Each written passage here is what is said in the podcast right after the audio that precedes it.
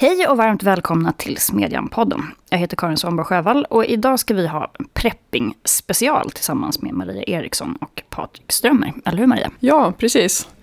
Eh, jag tänkte vi skulle prata lite om hur vi förbereder oss för en kris, både individuellt och nationellt. Och eh, Patrik, du är ju näringspolitisk expert på livsmedelsföretagen med krisberedskap, försörjningsförmåga och totalförsvar som särskilda ansvarsområden. Så vi ska komma in på det här med livsmedelsförsörjning i kristid. Eh, men först lite om prepping. Det har väl inte undgått någon att coronaviruset härjar nu lite här och var. Eh, vilka, vilka åtgärder har man vidtagit på era arbetsplatser till att börja med? Det, har det hänt någonting? Vi fick ett mejl igår, Karin, som du hade eh, bett om att det skulle skickas ut. Mm, precis. Ja, jag är inte så mycket för panik. Eh, samtidigt så är det klart att med tanke på hur snabbt den här smittan sprids så vore det oansvarigt att inte ta några hänsyn överhuvudtaget till att det faktiskt finns människor som kan fara ganska illa om de blir dåliga. Så det vi har sagt är att om det är så att man har träffat någon som har varit smittad, bekräftat smittad, så vill jag helst inte att man kommer hit på två veckor. Eh, vi har ju ganska mycket utåtriktade aktiviteter också kring med seminarier och, och luncher och så. Och det har väl också sagt det att vi kan ju inte sluta ha det, i alla fall inte i det här läget, utan vi håller öppet som vanligt. Men om det är så att man är, ska ingå i en panel eller i en debatt eller så, och man har varit i något av de här riskområdena, så ser vi helst att man inte kommer. Men så mycket mer än så har vi inte sagt i dagsläget. Timbro skulle liksom bli ännu ondare än, än förut om man dessutom börjar sprida coronavirus. På alltså sina, jag kan ju bara föreställa mig alla memes som kommer liksom svämma över Facebook och Twitter när liksom, det inte bara den liberala smittan som, som kommer från Kungsgatan 60 utan dessutom dödsfarliga sjukdomar. Hur ser det ut på livsmedelsföretagen? Har ni några restriktioner? Eh, inte för själva kansliet, men vi är ju en bransch och arbetsgivarorganisation så att vi har ju som uppgift att ha sluta kollektivavtal och se till att de följs, att det är ordning och reda på arbetsmarknaden. Och att stötta arbetsgivarna i detta. Och det är klart att eh, just nu märker vi att det är fler frågor om hur man ska hantera personalen, hur man ska hantera mat eller produktion. Ehm, ja, om arbetsgivaren skickar hem någon som inte är sjuk, då är det arbetsgivaren som ska betala lön under den tiden. Så det blir ju konsekvenserna av att man fattar ett sådant beslut. Som som centralorganisation kan inte vi bestämma vad en enskild arbetsgivare ska göra, utan vi kan tala om det här blir konsekvenserna om ni fattar det här beslutet. Ja, och sen så verkar det som att eh, folk själva då eh, agerar utifrån det här. Jag har sett foton på Facebook med tomma hyllor i Citygross i Bromma. Så hade folk köpt massor med pasta och ris och konserver och sådana där saker. Eh, har ni vidtagit några åtgärder för egen del? Inte med anledning av detta. Nej. Inte du heller då antar jag som inte är så Nej, jag ser till att hålla mitt förråd av rödvin och konserverad anka. Liksom. Ja. om krisen skulle slå ska man åtminstone kunna liksom ha trevligt medan, medan det pågår. Men nej, i övrigt så har det inte hänt så mycket. Alltså jag kan mest tänka så här att det enda egentligen positiva med att hamna i isolering är möjligen att det skulle få min yngste son att eh, tröttna på sin nuvarande kost som helt och hållet består av kolhydrater. Han beskriver sig själv som en vegetarian som inte gillar grönsaker, så det är liksom väldigt mycket pasta och ris. Jag tänker efter två, tre veckor av bara pasta och ris så kanske till och med han kan, kan omvändas. Kan bli en karnivor. ja, precis. Eller, eller också är han väldigt lycklig helt enkelt. Ja, det kan vara så. Nej, men jag har sen tidigare, för jag har jobbat med de här frågorna i ett par år nu, så att jag har ett litet förråd. Men viktigast generellt eh, är ju vatten. Utan vatten klarar sig inte människan särskilt länge. Utan mat kan man bli lite grinig och trött och fatta dåliga beslut när du har för lite energi i det. Men eh, vatten är absolut livsnödvändigt. Men, och just nu ser vi inte att vattenförsörjningen skulle vara hotad på något sätt. Nej. Jag tycker ändå det är ganska intressant för att det här med prepping har ju blivit en, en stor grej de senaste åren. Och jag tycker det är så spännande liksom att folk verkar ha så otroligt olika motiv. Att en del är liksom rädda för en, en invasion och, och militärt hot och för andra är det kanske en ekonomisk kollaps man ser framför sig. En del tänker på en klimatkatastrof och ibland är det liksom bara någon slags allmän apokalyps med zombier i värsta fall som, som kommer att komma. Vad, vad kan det här vara ett tecken på? Eller jag, jag funderar jättemycket på varför, varför det är så många som resonerar så här. Är det så många? Ja, men är det inte det? Jag tycker liksom om jag pratar med, dels så vet man ju så här, det finns ju prepperbloggar och det är folk på Twitter som är kända äh, preppers. Men, men jag har liksom folk i bekantskapskretsen, en, en småbarnsmamma som har ett litet lager under trappan liksom och Um, ja. ja men det, det är jag, jag, tänker att det är skillnad på att vara liksom, apokalyptisk prepper. Eller så här, att det nästan blir religiöst. Man vill att det, det ska hända en katastrof. Så att man kan visa alla andra hur smart man har varit. Som har förberett sig för detta. Det andra är ju att faktiskt vara en, en smula förberedd. Och det är ju inte zombisar eller ryska invasioner eller ens covid-19. Utan ja, elavbrott, eh, översvämningar, snöstormar. Eh, eller någon annan sjukdom också som gör att man, man måste hålla sig i hemmet. Att man då ser till att man har mat och vatten så att man klarar sig och mediciner. Eh, det är ju mm. bara klokt. Det är ungefär som att ja, man håller hastighetsbegränsningarna och använder bilbälten. Men det var väl, eh, åh vad hette han, vetenskapsmannen som uppfann penicillinet? Alexander Fleming. Just det, precis. Var inte han som myntade det här uttrycket med luck favors the prepared? Så att säga att man kan, man kan, eh, man kan styra sin tillvaro om man är lite, lite förberedd. Så det är klart att det finns någonting hälsosamt i att man inte bara tar varje dag som den kommer. Utan att man också lite grann tänker på vad som skulle kunna komma. Så att det inte är så att man är helt utlämnad. Men, men lite grann har jag också en känsla av att det finns ju, om man ska försöka skala upp det här på någon större nivå, också någon längtan efter efter liksom den här gemenskapen som, som olika typer av kriser också för med sig. Alltså jag tänker i brexitdebatten så började man ju prata mycket om the blitz spirit. Sådär att även om man nu går mot liksom svåra år och dåliga ekonomiska tider så är det här någonting som kommer att liksom föra landet samman igen.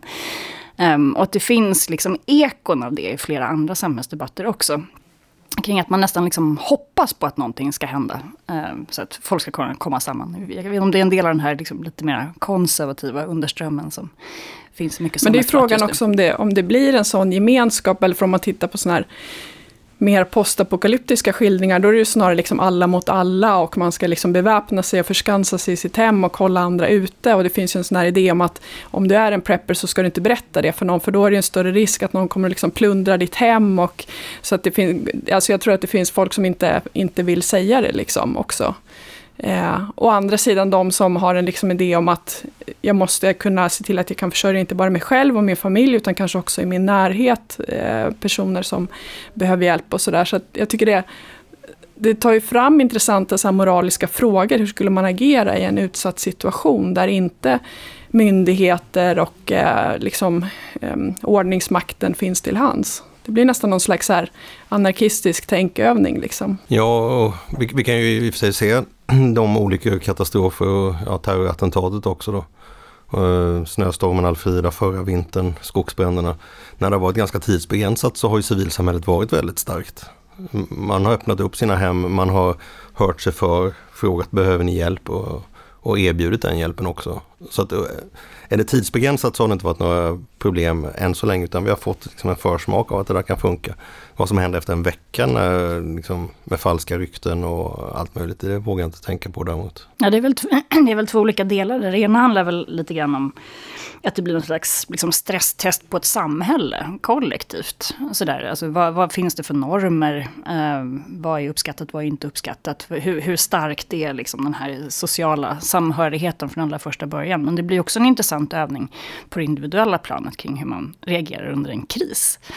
Och det skiljer sig ganska mycket. Men där är det precis som du säger Patrik, att det är klart att det är en Eh, när man ska liksom fundera över konsekvenserna i en kris så beror det ju lite på hur djup den är. Alltså det är ju en sak när man är i någon slags förskede när alla bunkrar och liksom myser med sina konserver. Och kanske utbyter tips om hur man ska överleva. När det fortfarande liksom inte riktigt är på riktigt. Kontra om det verkligen skulle vara så att det blev en liksom spanska sjukan situation när folk dog som flugor. Um, och det dessutom började bli liksom brist på mat på riktigt. Men det är nog i dagsläget ändå tror jag ganska få som tror. Men jag tänker att det ändå kan vara ett liksom ganska gott tecken att i, i ett land där vi ändå är ganska marinerade i det här att myndigheter finns till hands och lite non-ananismen och sådär. Att människor faktiskt tänker att jo, men jag måste också kunna eh, klara mig själv och lita till mina egna resurser på något sätt. Eh, att det kan vara något positivt. Jag, jag pratade faktiskt i morse här med min kompis som är prepper för att få lite tips. Och det var ju alla de här vanliga grejerna såklart. Det är bra med konserver och, och vatten som du säger och spritkök och sånt där. Men ja, just nu så verkar det väl inte som att vi kanske kommer ha någon brist på el och vatten. Utan det är väl snarare här om man behöver jobba hemifrån ett par veckor eller något sånt där då. Så att några tips från, från preppen är toapapper, tamponger, torr mjölk. Och så hade hon också köpt några paket med glass och lite chips. Och då tyckte jag, men glass tar ganska mycket plats i frysen. Men då sa hon att när man har suttit hemma länge, då ska man inte förringa sånt som kan höja moralen. Så det är också viktigt att tänka på, inte bara det här livsnödvändiga. Men det, är, det är bara att instämma, det är kloka ord. Men jag tänker ändå det här som händer nu, om det också kan vara så att det är ett tecken på att vi inte riktigt litar på att myndigheterna kommer att klara den här situationen. Det har varit ganska mycket diskussioner om den information som kommer från Folkhälsomyndigheten och andra och liksom varför stänger, inte, varför stänger man inte gränserna, varför kontrollerar man inte folk från flyget och så vidare. Om det, om det kanske är ett, ett tecken på att en ökad eller en brist på tillit till hur myndigheter hanterar olika krissituationer. Vad tror ni om det? Alltså dels så finns det ju, om man bara tittar på debatten för sig just nu, det finns ju en väldig ilska mot den nuvarande regeringen. Det liksom skämtas mycket om att Dan Eliasson har lyckats försätta sig i en situation där hans tjänster är angelägna. Trots att förtroendet just för honom kanske inte har varit så stort. Men, men sen så tror jag också att det är... Eh, I botten så finns det ju alltid en väldigt stark önskan hos människor i sådana osäkra situationer att få väldigt klara råd. Alltså man vill veta vad man ska göra och man har väldigt låg tolerans för osäkerhetsfaktorer. Och, där, och det här tillhör ju inte mina vanliga eh, utfall precis att försvara myndigheterna. Men där tror jag någonstans att man också måste förstå att det är väldigt svårt att komma ut med några, med några liksom generella råd som är helt vattentäta. Därför att man vet helt enkelt inte riktigt hur det här kommer att utveckla sig. Men det finns en sån väldigt stark längtan. Och den kanske är lite specifikt svensk ändå. Kring att man, man, man vill ha en storebror att hålla i handen. Och man vill vara, känna sig säker på att myndigheternas, liksom, myndigheternas information är helt vattentät. Men, men jag menar alla länder kämpar ju med hur man ska hantera den här situationen. Så jag tror att det är i stor utsträckning ändå rätt mycket av ett fåfängt hopp.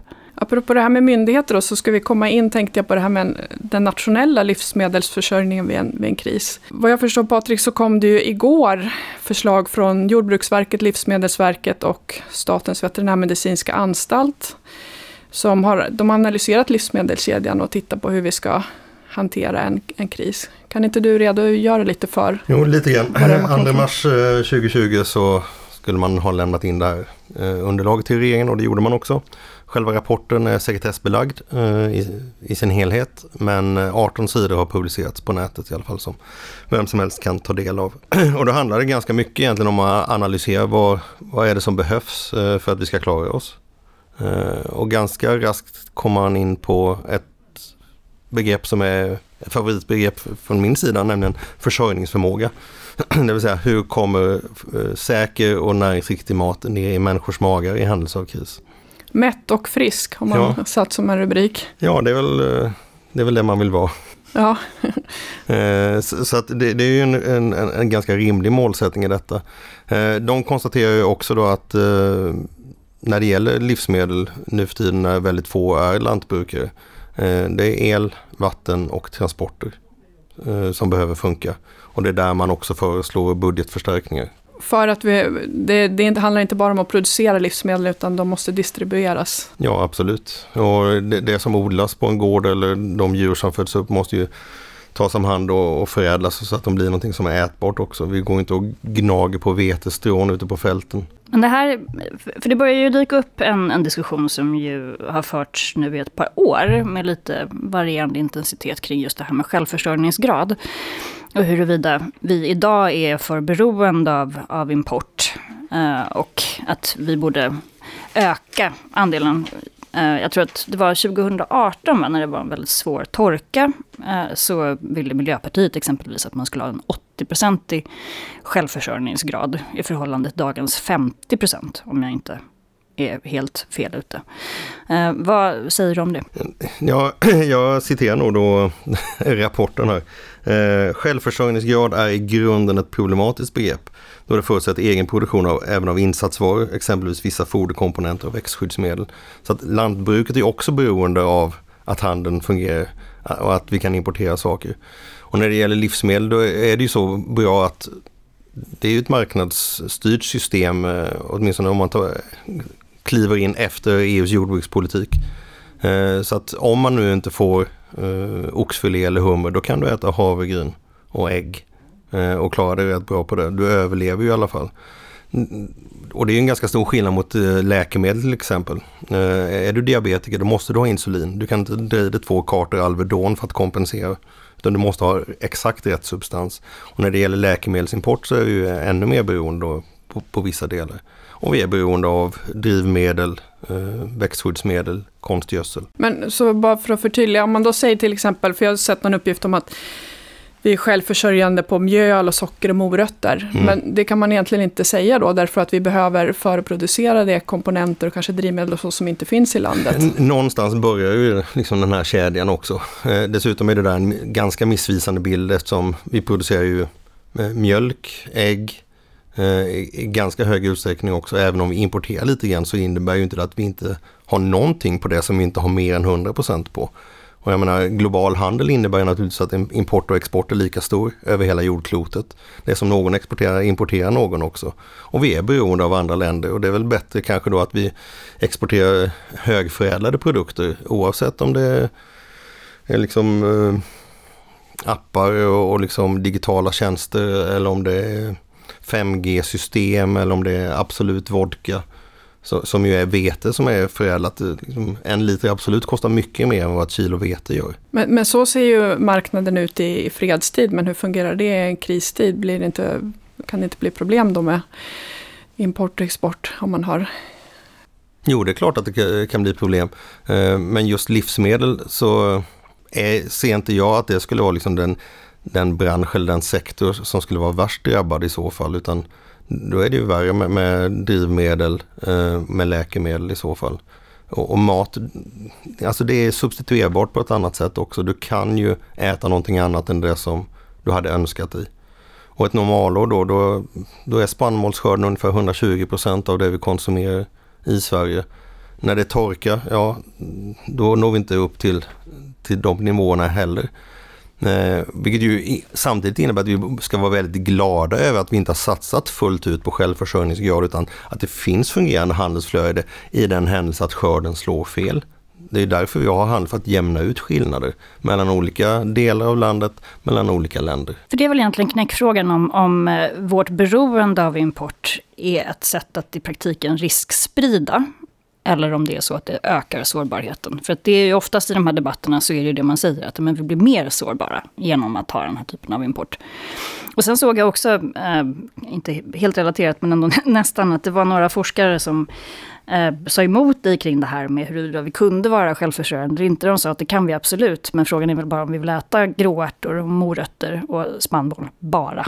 Ja, nej, nej, alltså tittar man rent kalorimässigt så räcker de råvaror som det svenska lantbruket producerar för att försörja Sveriges befolkning under ett år utan att det, man behöver drabbas av svält. Mm. Eh, det kan vara, finnas vissa liksom, ja, vitaminer kanske eller enskilda näringsämnen som det kan bli brist på. Eh, Livsmedelsverket har fått ett regeringsuppdrag och det ska redovisas i december nästa år så att de har ju ganska gott om tid på sig att gå igenom det här men eh, tills vidare så tycker jag inte det finns någon anledning att oroa sig nationellt för att det skulle bli svält i alla fall utan fungerar eltransporter och vi har vattenförsörjningen på plats som är ett kommunalt ansvar, eh, då kommer det att funka. Men sen är ju Sverige ett stort land också, produktionen ser olika ut i olika delar av landet. Absolut, det finns ju enskilda län som är, har självförsörjningsgrad gott och väl över 100 procent. Skåne är väl det som är enklast att tänka på.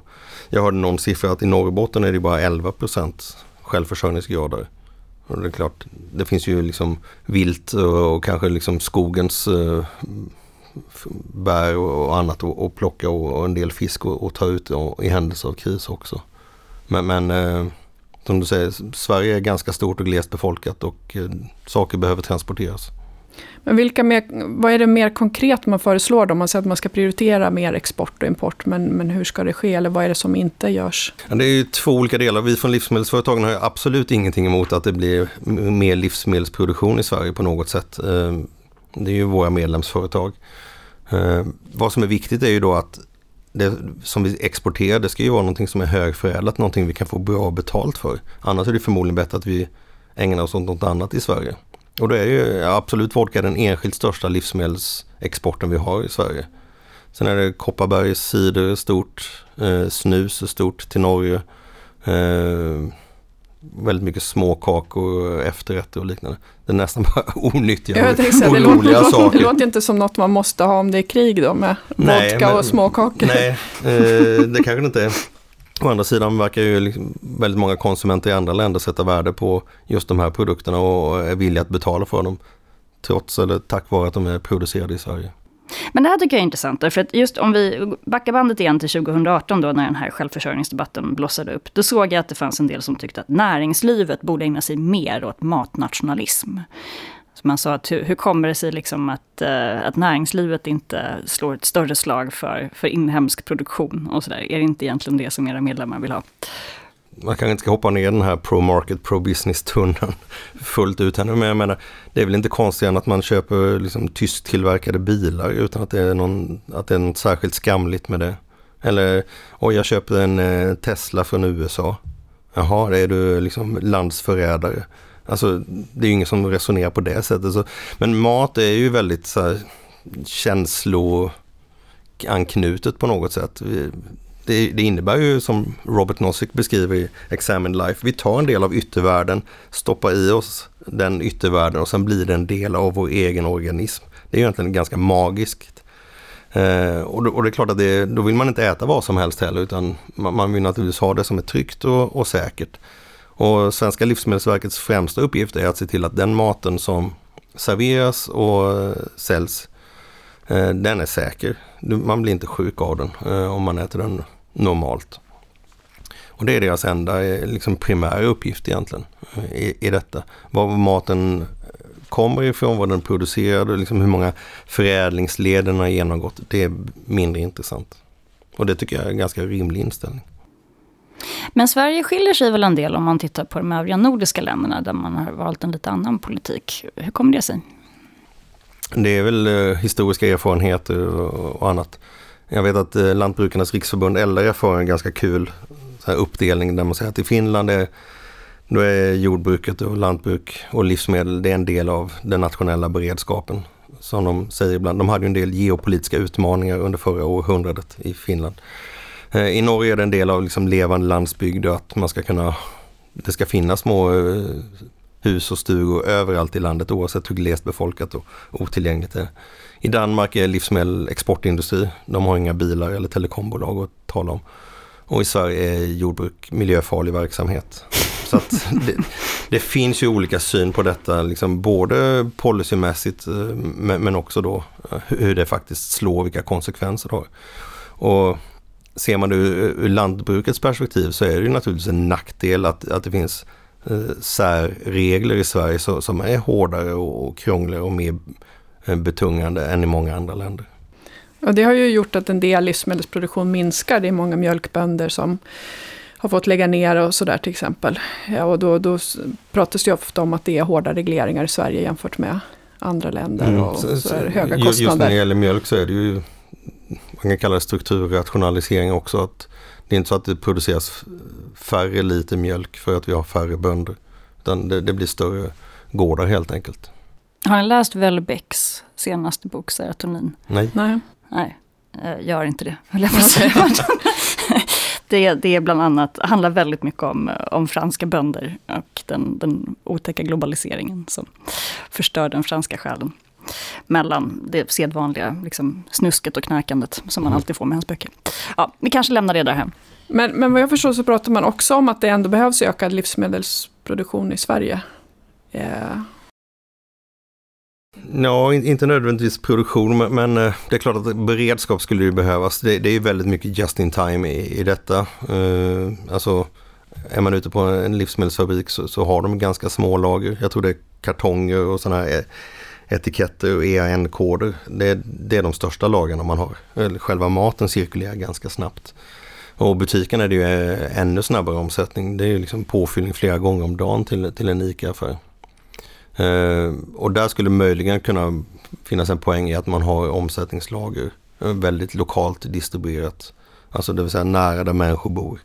Jag tror inte på att ha liksom 3000 ton ärtsoppa i ett bergrum någonstans för att mm, hur, hur ska man komma åt det och hur ska ärtsoppan komma ner i människors magar?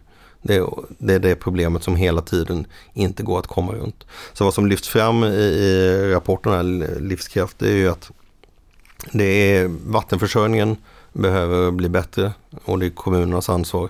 Alltså både vattentäkt, eh, förmåga att rena, eh, även att vi har någon möjlighet till liksom manuell eh, pumpning i, i, i vattentorn och liknande. Så om du skulle ha elavbrott och ingen reservkraft så ska vattnet kunna komma ut till människors hem. För det konstiga tycker jag är i de här diskussionerna, om man ändå återgår till, liksom, till kris och corona och så, det är ju att när man pratar om, om just vilken typ av lager man behöver olika saker, så så, så vet ju de flesta att skälet till att man inte har det är att kostnaden för detta mm. skulle vara så otroligt höga. Alternativkostnaderna för dagens ordning så att säga skulle vara fullkomligt astronomiska. Men i debatten så liksom berörs knappt det argumentet överhuvudtaget, utan det görs liksom upprörda röster över att vi inte har jättelager av precis allting, mm. eller att vi inte har byggt ut svensk sjukvård liksom gånger fyra, därför att vi eventuellt kommer hamna i ett läge där vi kommer ha många smittande. Eller att vi inte har en jordbruksproduktion som är anpassad för en krissituation med helt stängda gränser. Ja, med när vi tidigare haft en diskussion om en, överproduktion, å sidan med mjölkberg och liksom, mm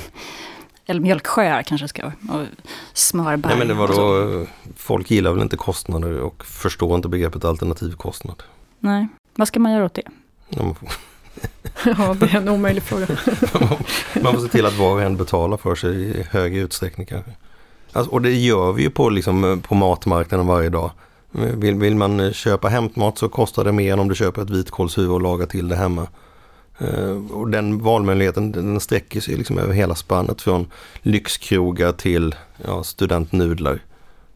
Men... Och, och, den spridningen, jag, jag, tycker den är ganska den är förmodligen samhällsekonomiskt effektiv men den är också väldigt liksom, mänsklig och rimlig. Att, att det är man själv som bestämmer hur mycket vill jag lägga och hur mycket kan jag lägga på mat. Men det finns mat eh, även för den som har väldigt ont om pengar.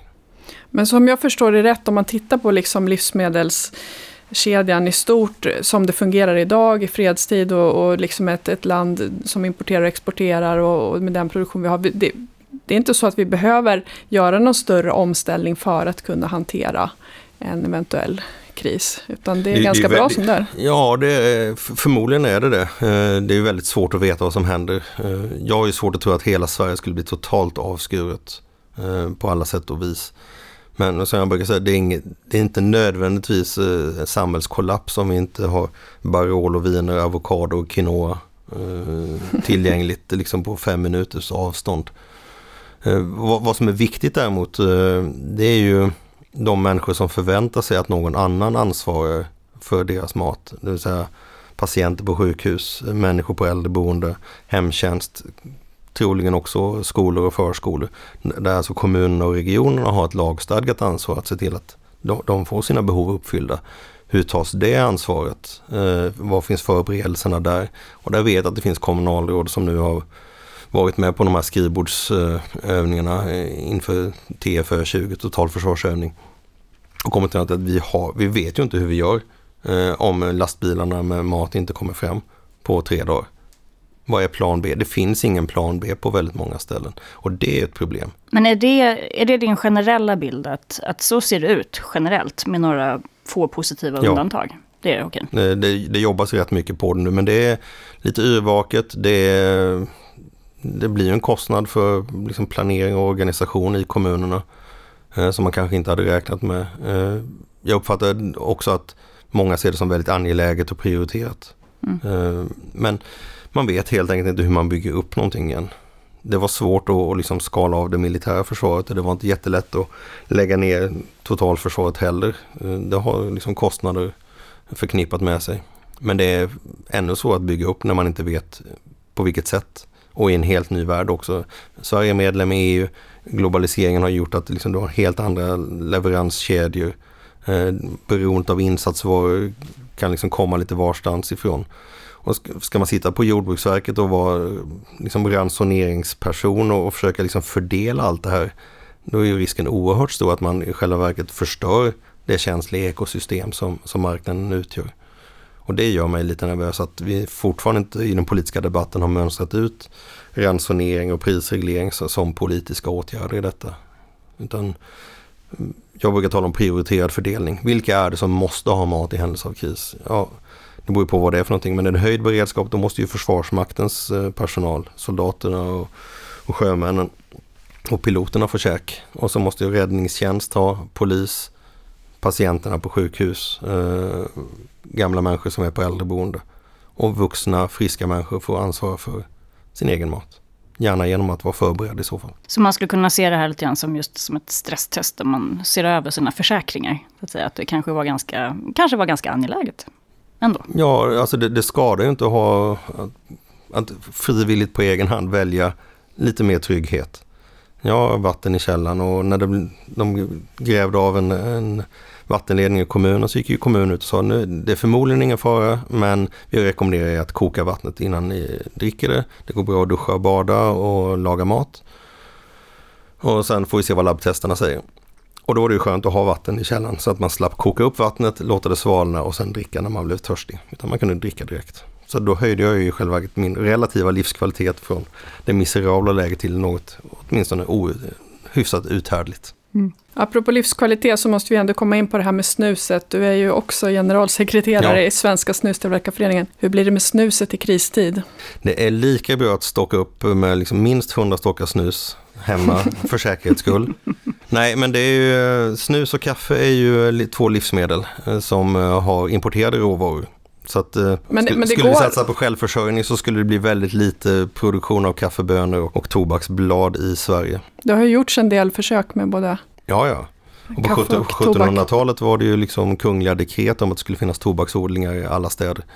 Men kvaliteten är inte särskilt bra och kvantiteten kommer nog inte att räcka till Sveriges en miljon snusar om det krisar. Så det, även där är det bra att uh, ha ett litet lager. Och det, snus funkar utmärkt att frysa.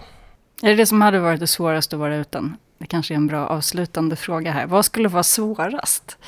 Nej, att... vatten är det viktigaste. Okej, okay, men efter det, liksom så här, det livsnödvändiga, vad skulle vara jobbigast då?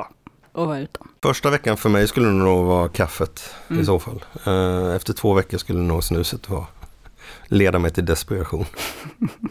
Jag tror jag är ganska flexibel, men jag tänker också ganska mycket på det där att det är bra att ha någonting som ger lite guldkant på tillvaron. Så, där. så att jag är lite som, som du Karin, lite frankofil och har massa eh, anklever och eh, anklår i källaren i konserver som håller sig i många år. Så, att det blir väl, och så tänker jag att det kan vara så bra bytesvara också, att jag, jag byter min champagne och anklever mot eh, Alvedon om jag behöver det. ja, men Livsmedelsverket rekommenderar att man har alltså, choklad och chips i, i sitt så här hushållsförråd i händelse av kris. Det är, energi, det är energitätt, liksom. mm. men, men, det är också uppiggande. Man, jag tror inte man ska liksom förringa det här, vikten av att ha kul även i eländiga tider. Nej, jag känner också att kaffe skulle vara en absolut katastrof. Det går ju inte att, att bedriva någon typ av tankeverksamhet utan minst en drog, känner jag. Och med detta måste vi nog dessvärre runda av detta samtal. Stort tack till dig Patrik för att du kom hit. Tack. Eh, tack till dig Maria. Tack till er som lyssnar och läser.